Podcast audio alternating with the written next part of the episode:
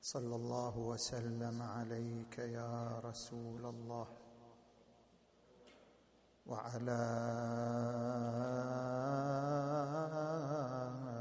أهل بيتك المنتجبين يا ليتنا كنا معكم فنفوز فوزا عظيما. أعوذ بالله من الشيطان الغوي الرجيم. بسم الله الرحمن الرحيم. إنما يريد الله ليذهب عنكم الرجس أهل البيت ويطهركم تطهيرا. آمنا بالله صدق الله العلي العظيم.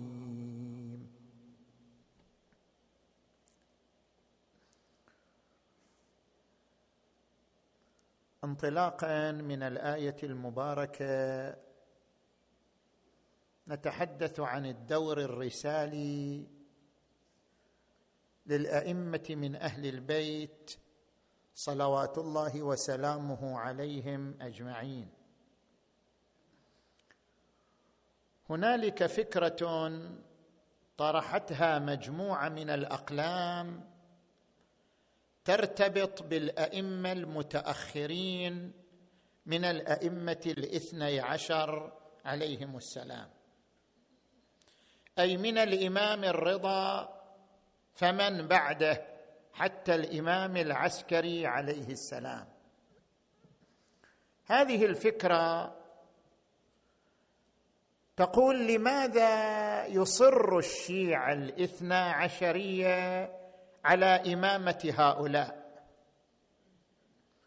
مع أن هؤلاء لم يكن لهم دور واضح لا في التاريخ الإسلامي ولا في تاريخ التشيع. ولم يكن لهم بصمات فكرية واضحة لا على مستوى الفكر الإسلامي ولا على مستوى المنظومة الفكرية الإمامية. وإنما هؤلاء الرضا والجواد والهادي والعسكري كانوا مجرد رواة عن آبائهم الصادق والباقر. ولم يكن لهم دور تاسيسي أو تاصيلي حتى يكون هناك اعتقاد أو إذعان أو إقرار بإمامتهم كإمامة آبائهم وأجدادهم من الأئمة الطاهرين صلوات الله وسلامه عليهم أجمعين. ونحن في مناقشة هذه الفكرة نستعرض محورين. المحور الأول في النقد المنطقي لضعف دور الأئمة المتأخرين. وفي معالم القيادة الفكرية والروحية للإمام الهادي عليه السلام. نجي الآن إلى المحور الأول. هل هذه الفكرة فكرة صائبة؟ أن الأئمة المتأخرين من عصر الإمام الكاظم وحتى عصر الإمام العسكري لم يكن لهم دور واضح أو دور بارز في التاريخ أو في الفكر الإسلامي كي تكون لهم قيمة الإمامة أو منصب الإمامة. هنا ننطلق في نقد هذه الفكرة من ثلاث ركائز. الركيزة الأولى هناك فرق بين القيمة الواقعية للإنسان والقيمة العملية للإنسان. بل كل شيء له قيمتان قيمة واقعية وقيمة عملية. القيمة الواقعية يعني ما يحمله الشيء من عناصر من مؤهلات. والقيمة العملية عبارة عن أثره وبصماته. فهناك قيمة واقعية وهناك قيمة عملية. إذا لم يكن للشيء قيمة عملية هل هذا يعني أنه لا قيمة له؟ أو لا؟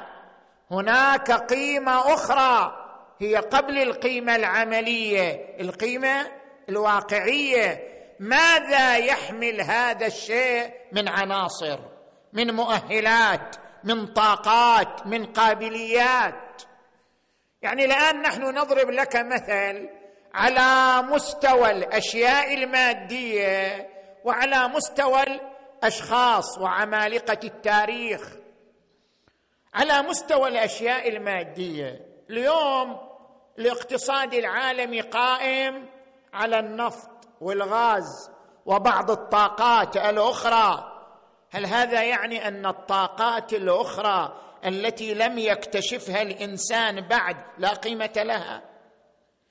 إذا كان الإنسان اليوم اكتشف قيمة النفط وقيمة الغاز وبعض الطاقات وصار يستثمرها في كل شيء في وسائل النقل في وسائل الاتصال في مسيرة الحضارة. هل هذا يعني أن الطاقات والمعادن الأخرى لا قيمة لها؟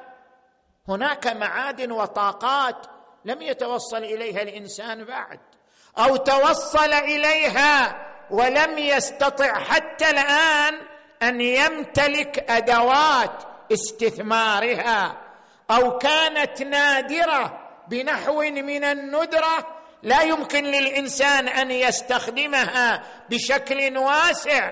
هذا لا يلغي الطاقات الأخرى ولا يلغي قيمتها الواقعية. أنت تقول النفط والغاز إلى قيمة عملية صح بس هناك طاقات لها قيمة واقعية تحتاج إلى وقت حتى يكتشف الإنسان كيف يستثمرها وكيف يتعامل معها. تجي إلى مستوى الأشخاص هل كل أفذاذ التاريخ وعمالقة التاريخ كان لهم أثر عملي؟ كانت لهم تاريخ عملي؟ كان لهم دور في التاريخ؟ ابدا اطلاقا. شوف القرآن الكريم يعظم مريم ابنة عمران. شنو كان له من دور في التاريخ؟ مريم ابنة عمران ماذا قدمت من أدوار للتاريخ الإنساني أو للتاريخ النبوي؟ ماذا كان لها من بصمات على مستوى الفكر الإنساني على مستوى الفكر الديني؟ لم يكن لمريم شيء من ذلك. لكن مريم لها قيمة واقعية. القرآن الكريم نطق عنها. يا مريم إن الله اصطفاك وطهرك واصطفاك على نساء العالمين. ومريم ابنة عمران التي أحصنت فرجها فنفخنا فيه من روحنا.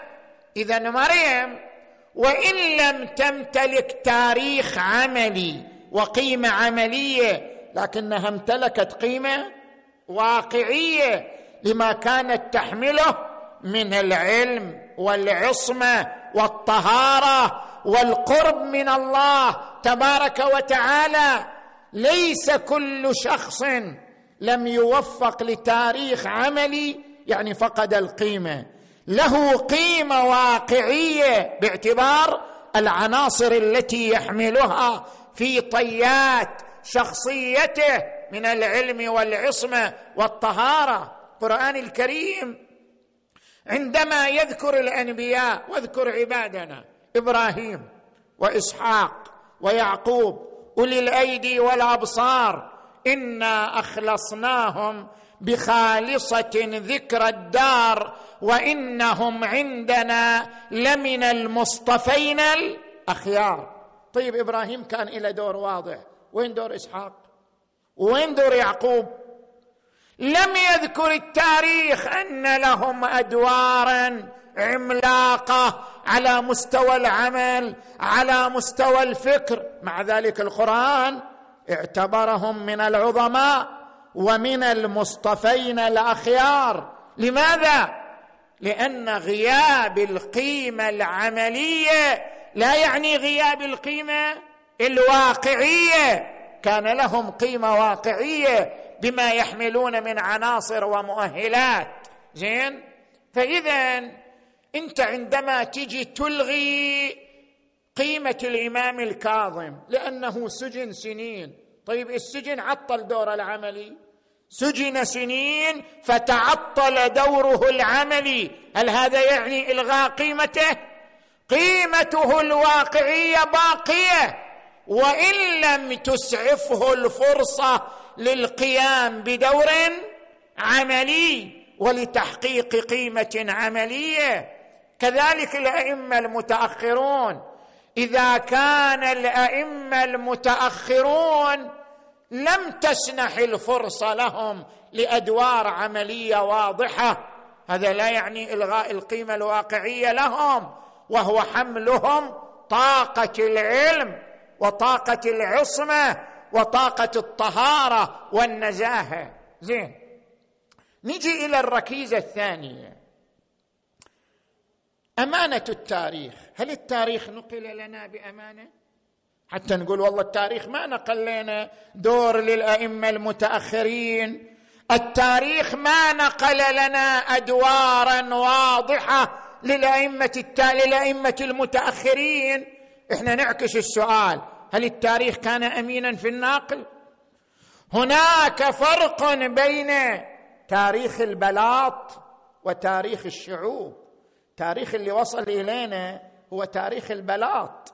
تاريخ السلطان تاريخ السلطة الأموية والعباسية. لم يصل إلينا تاريخ الشعوب. وإلا إذا وقفت على التاريخ صور أنت الإمام علي منذ وفاة رسول الله صلى الله عليه وآله وحتى استلم الخلافة خمسه وعشرين سنة. أين كان دوره؟ هل هذا ألغى قيمته؟ أم أن التاريخ لم يسلط الضوء عليه لأنه كان بعيدا عن البلاط بعيدا عن أدوار البلاط. الإمام الحسن الإمام الحسين طيب الإمام الحسين منذ مقتل أبيه الإمام علي وحتى شهادته عشرين سنة. أين كان دوره؟ الإمام زين العابدين ما نقل عنه إلا العبادة. أين الأدوار الأخرى؟ اذا بالنتيجة التاريخ كتب من خلال بلاط السلطان فكتب ما يراد. وكتب ما ينسجم مع أهداف السلطتين الأموية والعباسية وغيب التاريخ أدوار كثير من العمالقة وأدوار كثير من نجوم التاريخ. اذا إذا لم يروي لنا التاريخ أدوار واضحة عن الأئمة المعصومين المتأخرين فهذا لا يعني لغوية قيمتهم ولياقتهم وجدارتهم بمنصب الإمامة. لاحظ أنت كيف تعامل التاريخ مثلا مع الإمام الهادي. الإمام الهادي حياته كلها 42 سنة مات وعمره 42 سنة. طيب جزء نصف من حياته خضع للرقابة تحت نظر السلطة العباسية. أمر المتوكل العباسي يحيى بن هرثمة أن يذهب إلى المدينة ليشخص علي بن محمد ابن الرضا إلى المتوكل. وفعلا يحيى بن هرثمة جاء بثلاثمائة جندي. أحاطوا المدينة أحاطوا بدار الإمام الهادي أشخصوه حتى قال يحيى بن هرثمة لما جئنا لأخذه ضج أهل المدينة ضجيجا وعجوا عجيجا وبكوا لأنه كان محسنا إليهم وكان ملازما للمسجد ولم يكن له ميل إلى الدنيا فأقسمت عليهم وحلفت لهم بأني لن أمسه بمكروه وأني فقط سأورده على الخليفة معززا مكرما. زين خرج الإمام من المدينة إلى وين؟ إلى بغداد. أدخلوه بغداد ليلا حتى لا يراه أحد ولا يفتتن به أحد. وبات في بغداد بعض الليلة يعني مجرد ساعات. ثم أشخصوه إلى سامراء. لما وصل إلى سامراء أجلسه المتوكل العباسي في خان الصعاليك. يعني مع ذول المنحرفين والمشعوذين خلا وياهم في خان واحد احتقارا للإمام عليه السلام. وبعد ذلك وضعه المتوكل في دار وشدد الرقابة عليه أكثر من أحد عشر سنة. هو في سجن. صحيح هو يطلع ويجي بس خاضع للرقابة في ذهابه ومجيئه. وكان لا يتصل به أحد إلا ما ندر من شيعته ومواليه. وروى الصقر بن أبي دلف الكرخي قال سجن علي الهادي في عصر المتوكل ثلاث مرات. اذا وين التاريخ؟ إذا كان الإمام مغيبا وتحت الرقابة وخاضعا لكل هذه القسوة من الرقابة والغلظة هل سيبقى له دور عملي في الأمة؟ هل سيبقى له دور بارز في التاريخ وإحياء الفكر الإسلامي مع هذه الرقابة العاتية وهذه وهذا السجن الذي أحيط به في حركته من كل مكان. زين؟ تجي الآن إلى الركيزة الثالثة. الركيزة الثالثة هناك فرق بين الدور التأسيسي والدور التحليلي. شنو الفرق بينهما؟ ورد عن الإمام الصادق عليه السلام أنه قال علينا إلقاء الأصول وعليكم التفريع. يعني إحنا شنو وظيفتنا؟ نحن وظيفتنا أن نضع الأصول والقواعد والمناهج العامة وأما التفريع والتحليل والبناء عليها فهي وظيفة العقول العقول العلمائية. لماذا أعطى الله الناس العقول؟ أعطاها لكي تحلل تفكر تبرمج. نحن كأئمة نضع الأصول والقواعد. أما التحليل تفريع فهو دوركم. لما أعطيتم من العقول والخبرات والتجارب. لاحظ الآن عندما نجي إلى القرآن الكريم واحد يطرح نفس السؤال على القرآن. شنو دور القرآن الكريم؟ شنو دوره. واحد يقول نفس الكلام. ماذا قدم القرآن الكريم على مستوى التكنولوجيا؟ ماذا قدم القرآن الكريم على مستوى علم النفس علم الاجتماع علم الإدارة؟ شنو قدم؟ ما قدم القرآن الكريم سوى الوعظ والعبرة وبعض التاريخ. اذا سقطت قيمة القرآن. هذا كلام غير صحيح غير منطقي. القرآن الكريم وضع أصول وقواعد.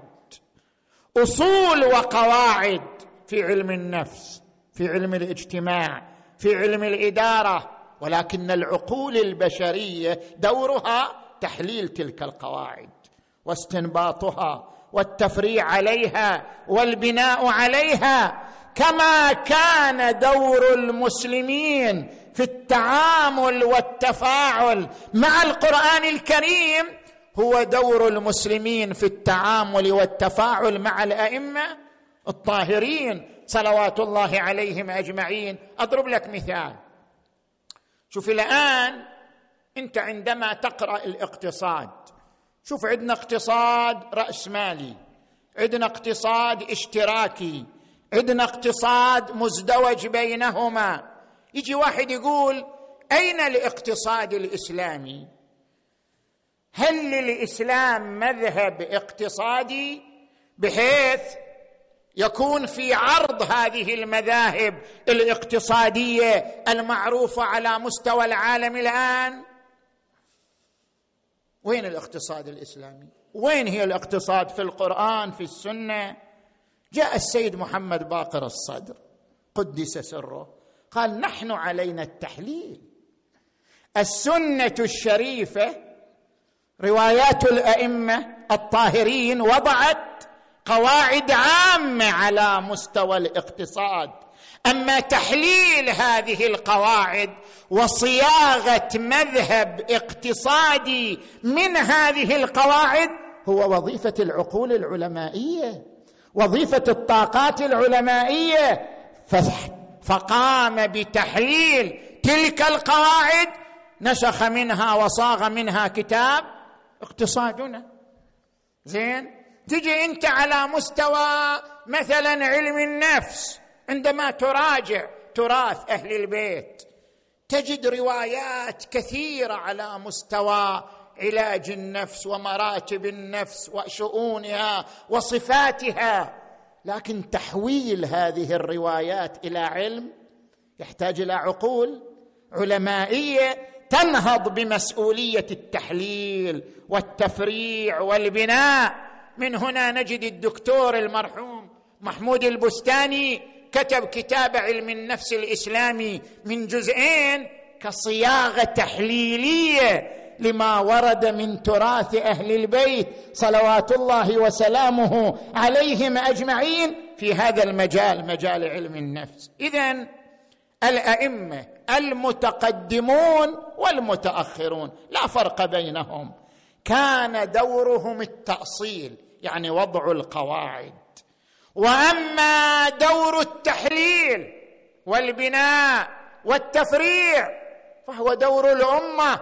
بعقولها وطاقاتها وقدراتها العلمية والذهنية أن تنهض بهذه المسؤولية. زين.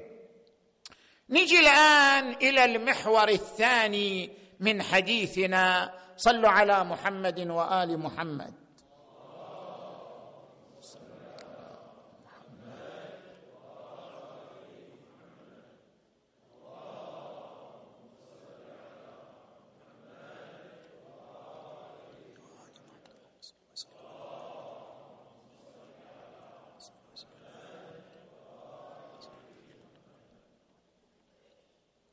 ما هي معالم القيادة الفكرية والعملية للإمام الهادي عليه السلام؟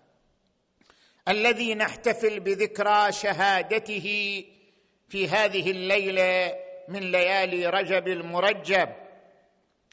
نذكر هنا ثلاثة معالم رئيسة في شخصيته المباركة.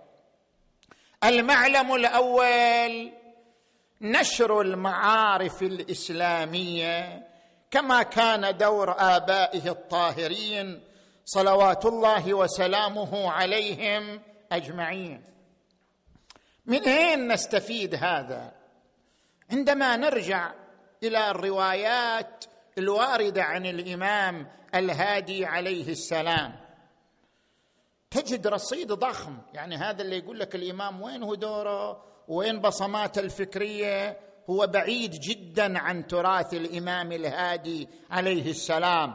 هناك تراث ضخم. رغم أن الإمام عاش 42 سنة رغم أنه كان محاصر نصف عمره تحت السلطة العباسية مع ذلك الإمام ورد عنه من الروايات والأحاديث الكثير حتى أن الشيخ باقر القرشي رحمه الله في كتابه الإمام الهادي ذكر أن تلامذة الإمام والرواة عنه مئة وثمانية وسبعين عالما وراويا. بل أنهاها السيد القزويني السيد كاظم القزويني في كتابه الإمام الهادي من المهد إلى اللحد. إلى ثلاثمائة وسبعة وأربعين راويا وتلميذا للإمام الهادي عليه السلام. زين. تجي أنت الآن إلى تراث الإمام الهادي عليه السلام. نأخذ بعض الشذرات من تراثه. هذه الرواية كثير من علمائنا يعتبر هذه الرواية من أمهات الروايات والأحاديث. رواية مهمة. يتحدث فيها الإمام الهادي عن العلاقه بين الخالق والمخلوق عن العلاقه بين اللامحدود وهو الخالق والمحدود ألا وهو الإنسان؟ فيقول سأله سائل سأله علي بن حمزة عن علم الله فقال عليه السلام علم وشاء وأراد وقدر وقضى وأبدى وأمضى فأمضى ما قضى وقضى ما قدر وقدر ما أراد وأراد ما شاء وشاء ما علم. هذه كتبت هذه الجملة فيها بحوث علمية وكلامية كثيرة. وهي من الأصول المنقولة عن الإمام الهادي علي عليه السلام. خل أشرح لك بشكل بسيط هذه الجملة.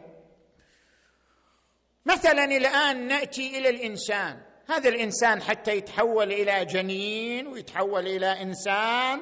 كما ذكرت الآية المباركة لقد خلقنا الإنسان من سلالة من طين ثم جعلناه نطفة في قرار مكين ثم خلقنا النطفة علقة فخلقنا العلقة مضغة فخلقنا المضغة عظاما فكسونا العظام لحما ثم أنشأناه خلقا آخر. فتبارك الله أحسن الخالقين. زين.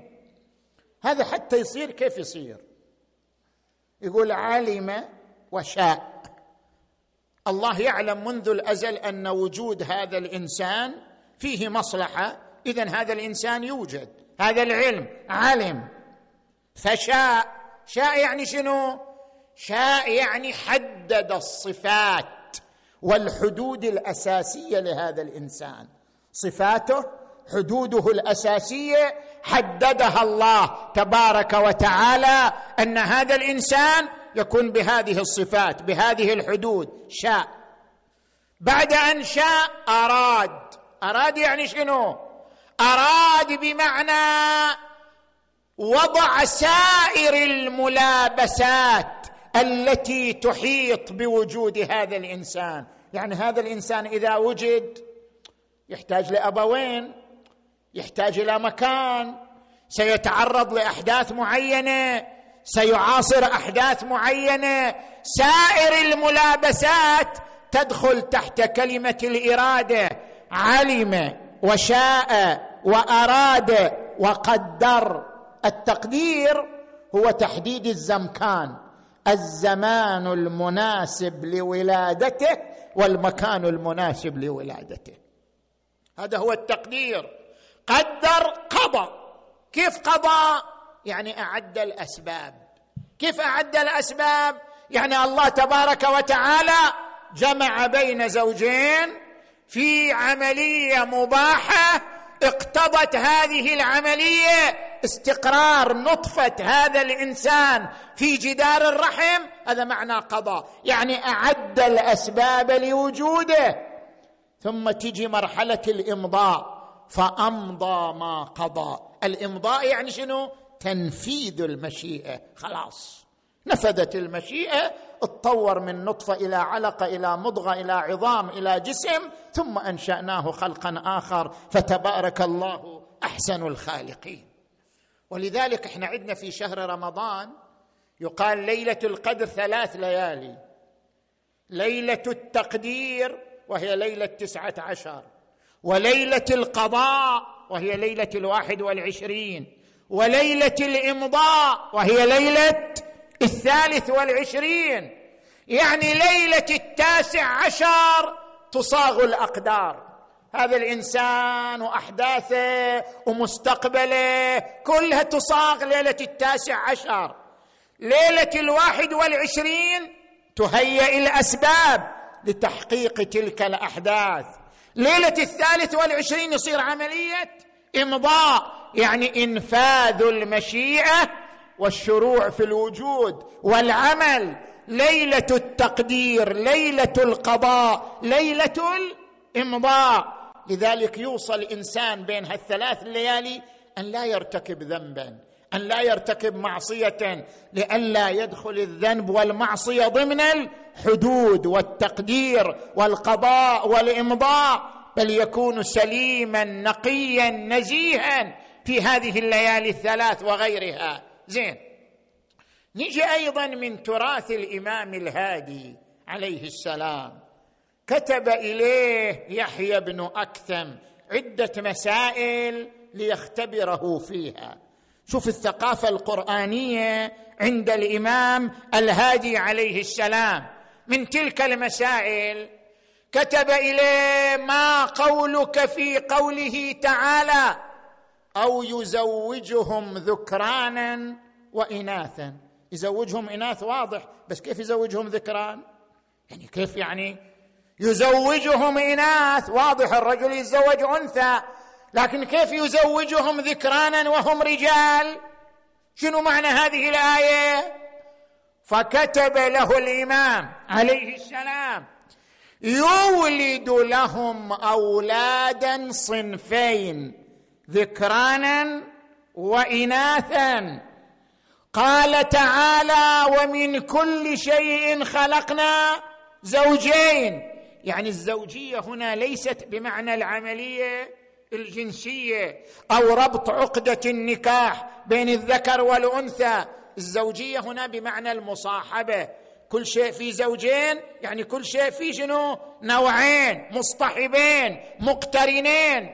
يعني الله تبارك وتعالى يعطي للبشرية أولاد على صنفين بعضهم ذكور وبعضهم إناث. هذا معنى يزوجهم يعني يولد لهم يصحبهم وليس بمعنى العلقه الزوجية المعهودة. زين. تجي إلى آية أخرى. قال ما قولك في قوله تعالى ورفع أبويه على العرش وخروا له سجدا. كيف يسجدون ليوسف وهو عبد من عباد الله؟ والسجود إنما يكون لله تبارك وتعالى. كيف أخوة يوسف سجدوا ليوسف؟ قال هذا كقوله تعالى وإذ قلنا للملائكة اسجدوا لآدم فسجدوا إلا إبليس. كان سجودهم طاعة لله وتكريما لآدم. يعني هم ما سجدوا لآدم هم سجدوا لله.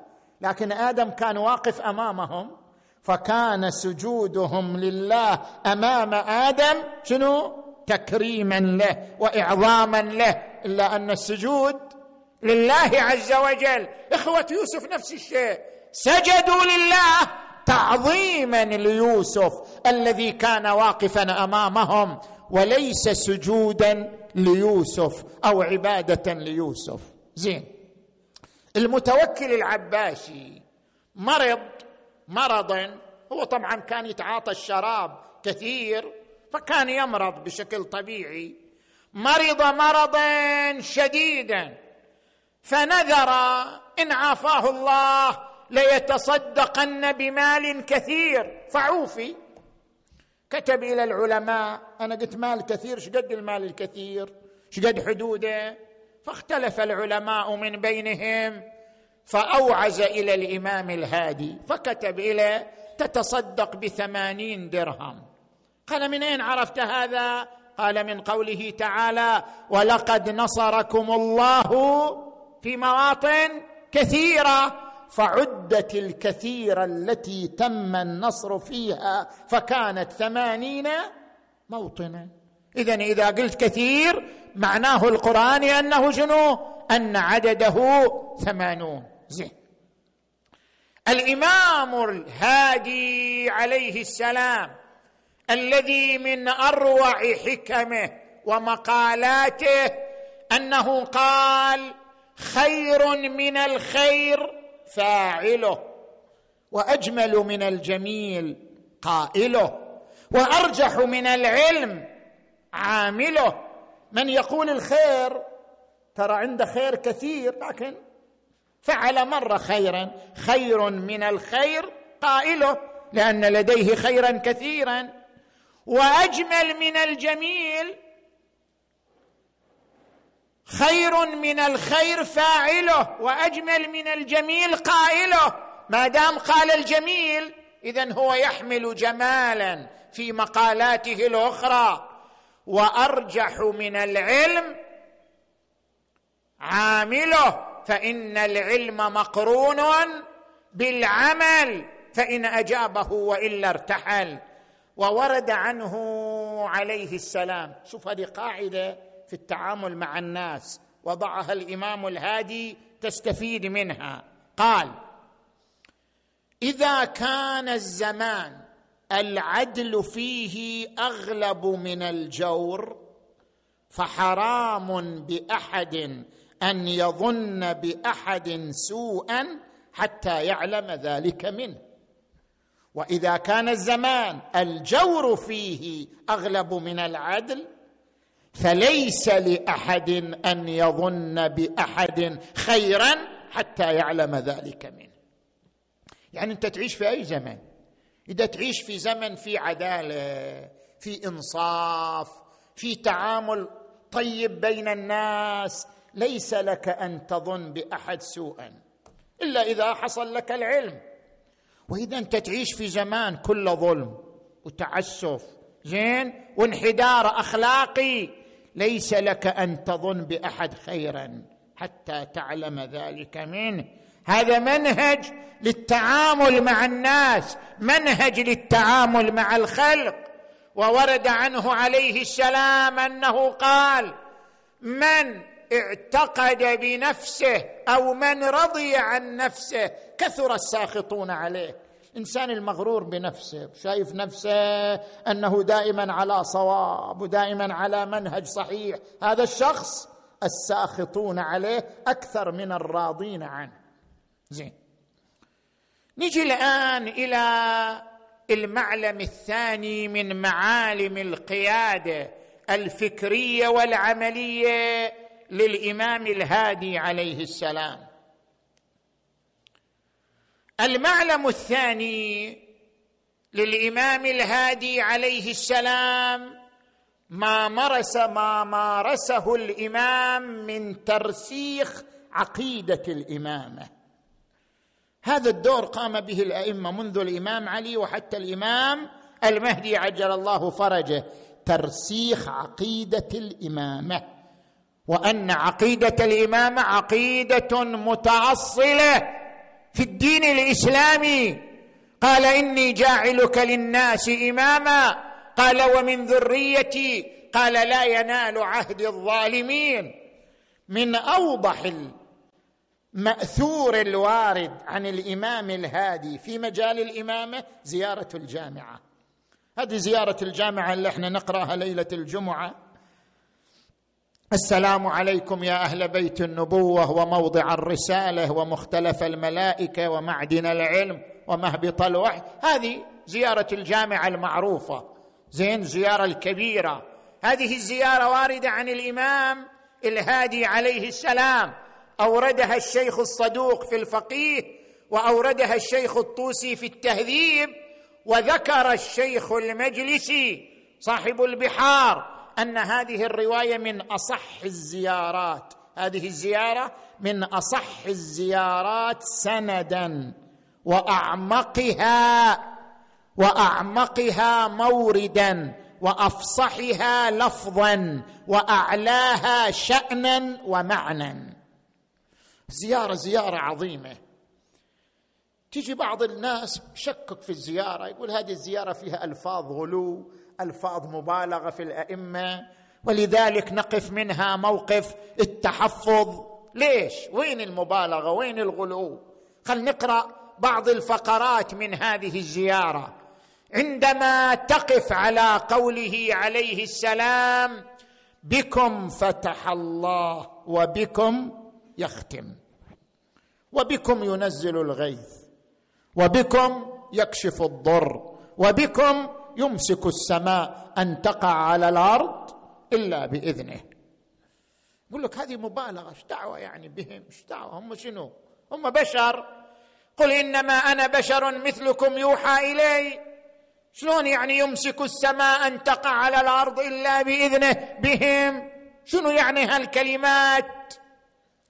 طبعا ما ورد في زيارة الجامعة الكبيرة ورد في روايات كثيرة عن الأئمة الطاهرين صلوات الله عليهم أجمعين للإشارة إلى الفتح والختم. أما الإشارة إلى الفتح بكم فتح الله. يعني هم وسائط في الفيض. الله مو محتاج لهم ولكن تشريفا لهم جعلهم وسائط في الفيض. كالملائكة أليس الملائكة وسائط في الفيض؟ هناك ملائكة الرياح ملائكة المطر ملائكة السماء ملائكة الأرض ملك الموت ملك الحساب مل...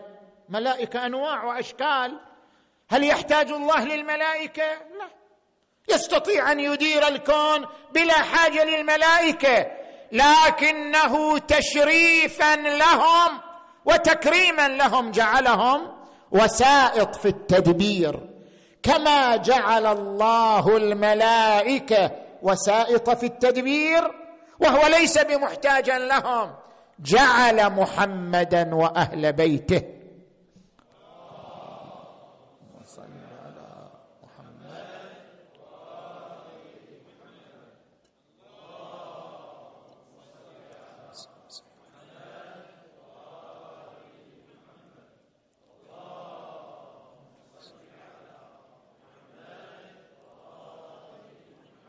جعل محمدا وأهل بيته صلوات الله عليهم أجمعين وسائط في الفيض أفاض الله على هذا الكون وعلى الخلق نعمة الوجود نعمة الوحي نعمة الرسالة بواسطتهم. فهم وسائط في الفيض كما أن الملائكة وسائط في التدبير. ولذلك عبر عنهم بكم فتح الله أولنا محمد أوسطنا محمد آخرنا محمد.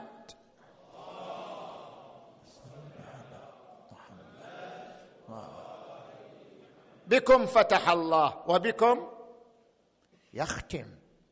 كما هم وسائط في الفيض فهم الخاتمة وهم الغاية من الوجود كما جاء في حديث الكساء. ما خلقت سماء مبنية ولا أرضا مدحوة ولا قمرا منيرا ولا شمسا مضيئة ولا ولا إلا لأجل هؤلاء الخمسة الذين هم تحت الكسى. قيل ومن تحت الكسى؟ قال هم فاطمة وأبوها وبعلها وبنوها. خلق الكون لأجلهم يعني خلق الكون لأجل الإنسان الكامل. وبما أنهم أعلى نماذج الإنسان الكامل اذا خلق الكون لأجلهم. هذا معنى وبكم يختم. أنتم الغاية أنتم الخاتمة لأنكم الإنسان الكامل. وورد في الزيارة نفسها وإياب الخلق إليكم. بكم يختم. ختام أيضا أنتم موجودون.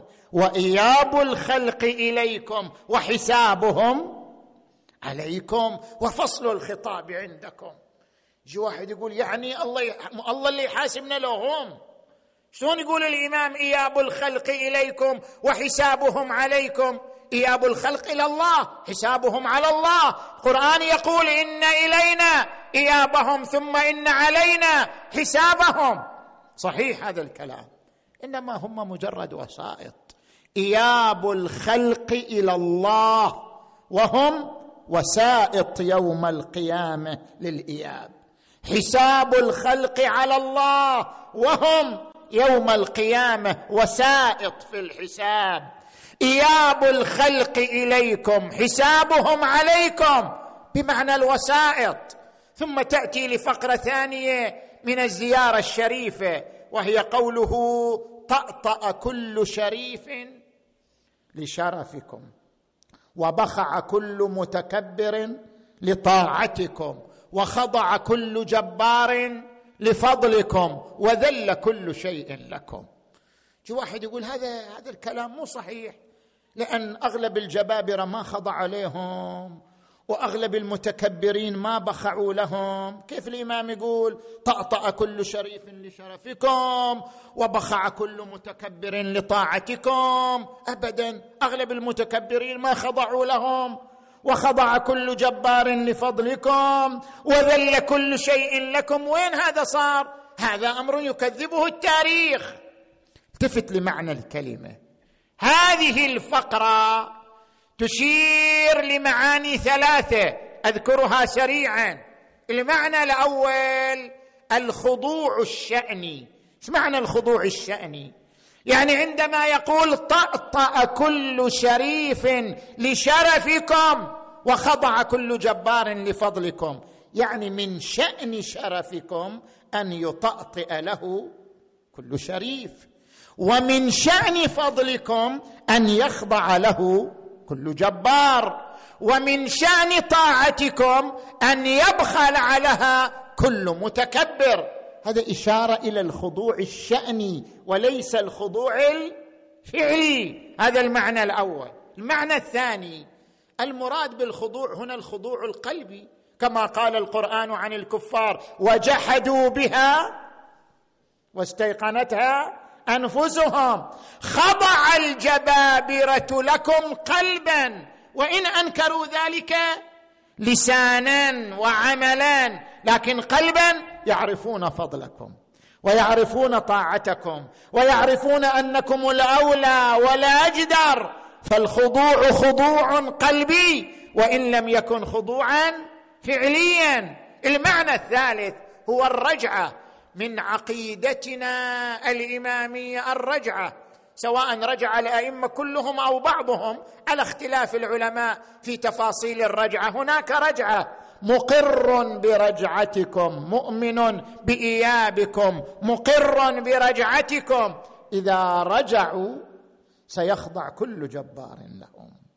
ويبخع كل متكبر لطاعتهم ويذل كل شيء لهم. كما قالت كما قال في ذيلها وأشرقت الأرض بنوركم. زين. نجي الآن إلى المعلم الثالث والأخير أن الإمام كان إلى عمل ميداني ضخم رغم أنه محاصر إلى عمل ميداني. كما يعبر السيد الشهيد الصادر قدس سره يقول الأئمة كانت لهم حكومة ظلية في وجود الحكومة الفعلية.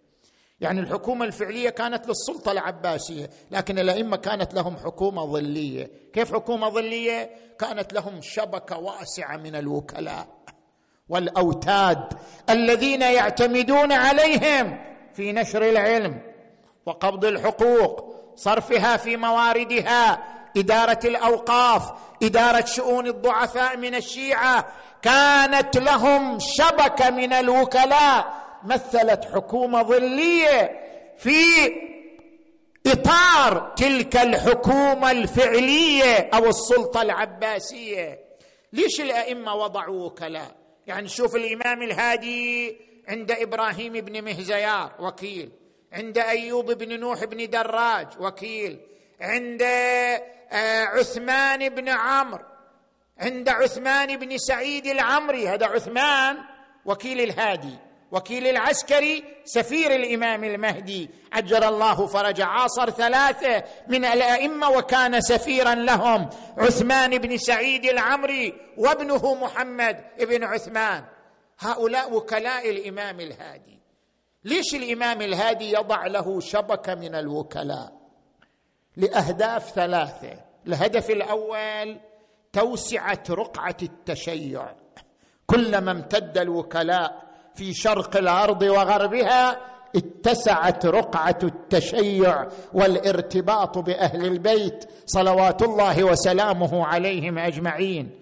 الهدف الثاني هو عندما يقوم الإمام بذلك فهو يريد أن تعتمد الأمة على خبراتها وتجاربها.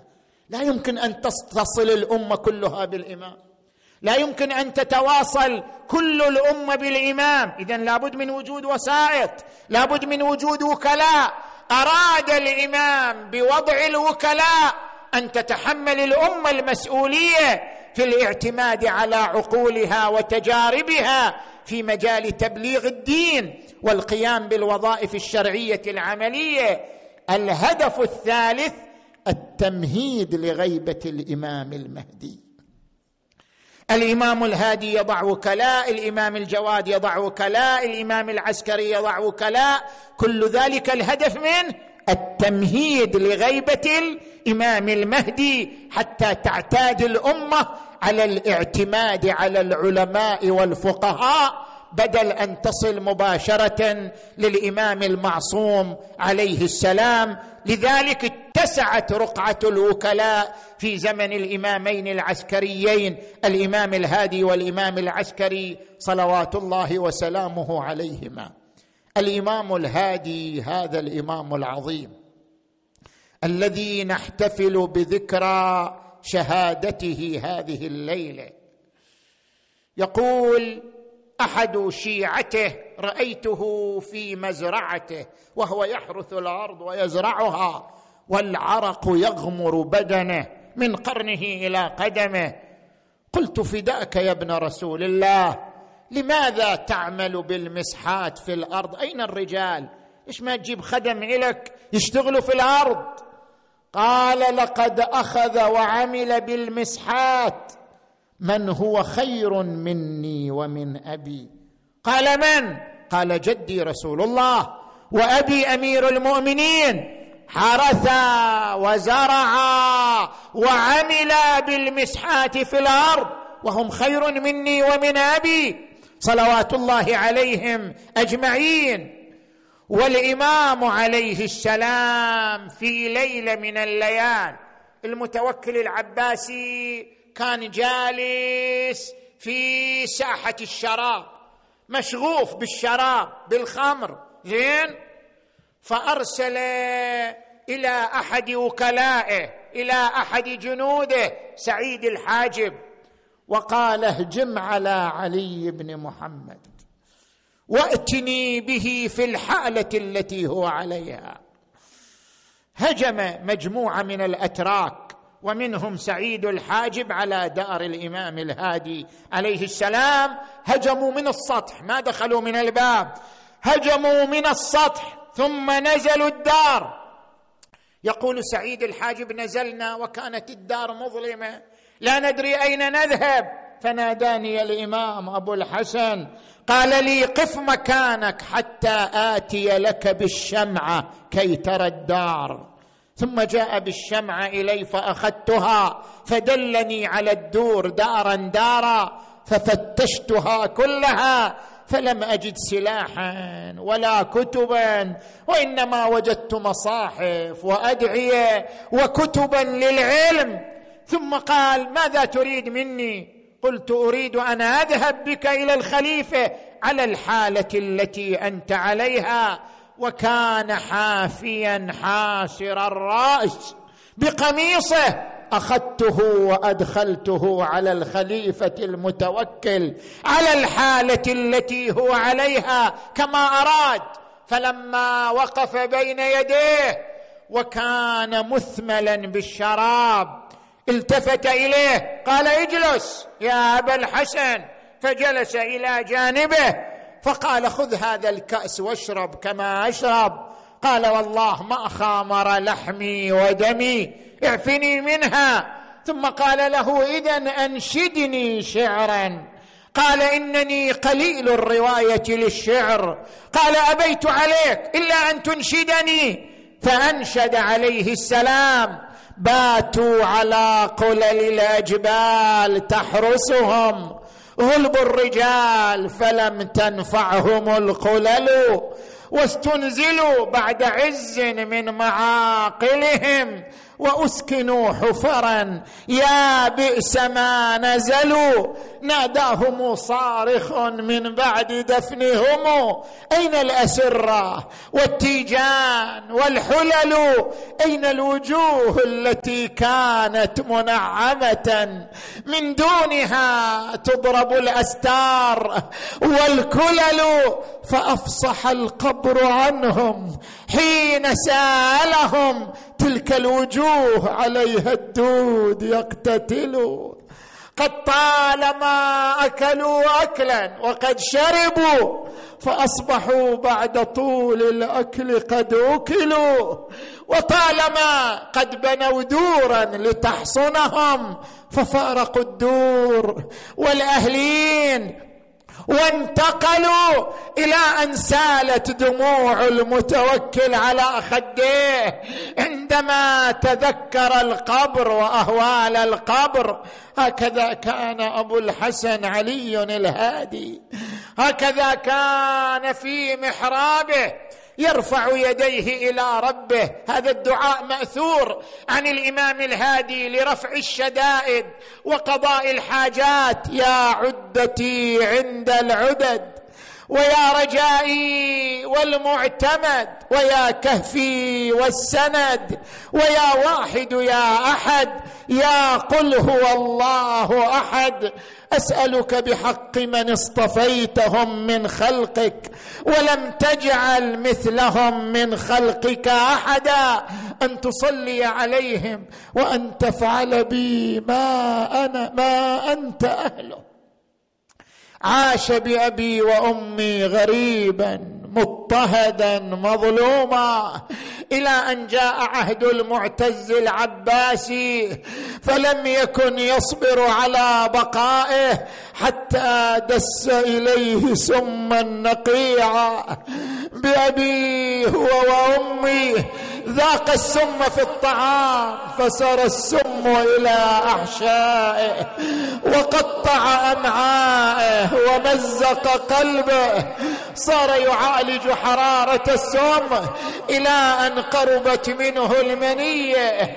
أدنى منه ولده الحسن العسكري. أوصاه بوصاياه أودعه ودائعه. عظم الله أجوركم وعند احتضار الموت عرق جبينا. وسكن أنينا. ومد يديه ورجليه وغمض عينيه وفاضت روحه الشريفة. نادى الحسن وابتاه. ضجة سامراء وسيدا وإماما. وقام شبله يغسله والدمع من فم عينه مدد على المغتسل والماي جاه من السماء. وبالطفوف حسين جدة اتغسل بفيض الدماء. ظل ثلاثة أيام عاري ولمسلوب الثياب. إحنا نقرأ الآن أبيات دعبل الخزاعي. قبور بكوفان وأخرى بطيبة وأخرى بفخ لها صلواتي وأخرى بأرض الجوزجان محلها. وأخرى يا يا ببا خمرا. لدى الغربات. سقى الله قبرا بالمدينة غيثه. قبر من هذا؟ قبر صاحبة العزاء صاحبة المصيبة. سقى الله قبرا بالمدينة غيثه فقد حل فيه الأمن بالبركات. أفآتم لو خلت الحسين. أيا راكبا إن جئت طائبة مقبلا.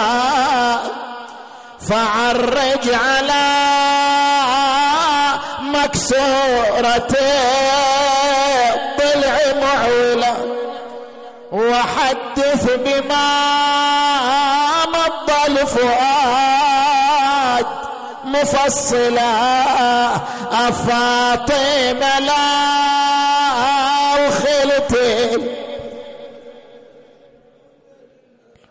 وقد مات عطشانا بشات إي والله نوحي على الأولاد يا زهر الحزين في كربلاء واحد واحد بالمدينة نادت يا والي والدمع بالخد بادي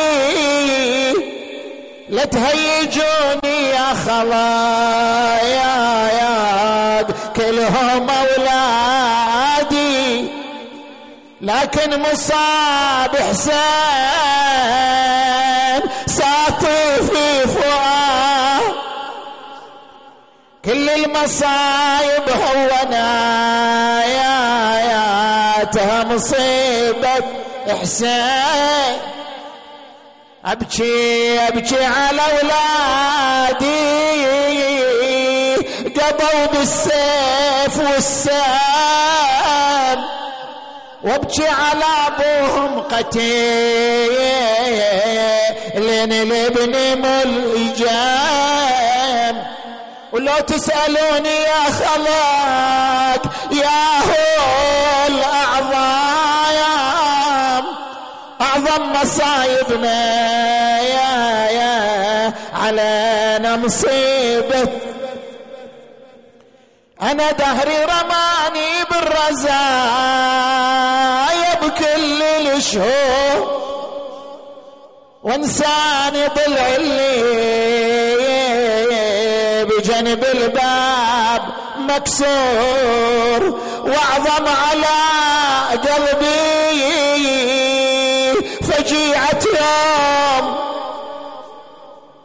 كل البكا والنايا يا يا والصيحة على والي ولادي يا ربي وش جرمهم واحد تعمدهم وسمهم واحد سفك بالسيف. ما ذنب أهل البيت حتى منهم أخلوا ربوعه. يا الله. اللهم بالزهراء وأبيها وبعلها وبنيها والسر المستودع فيها. اللهم بحق مولانا الإمام الهادي وآبائه الطاهرين وأبنائه الطيبين. اللهم اغفر ذنوبنا واستر عيوبنا واقض حوائجنا وفرج عنا وعن المؤمنين والمؤمنات في كل مكان.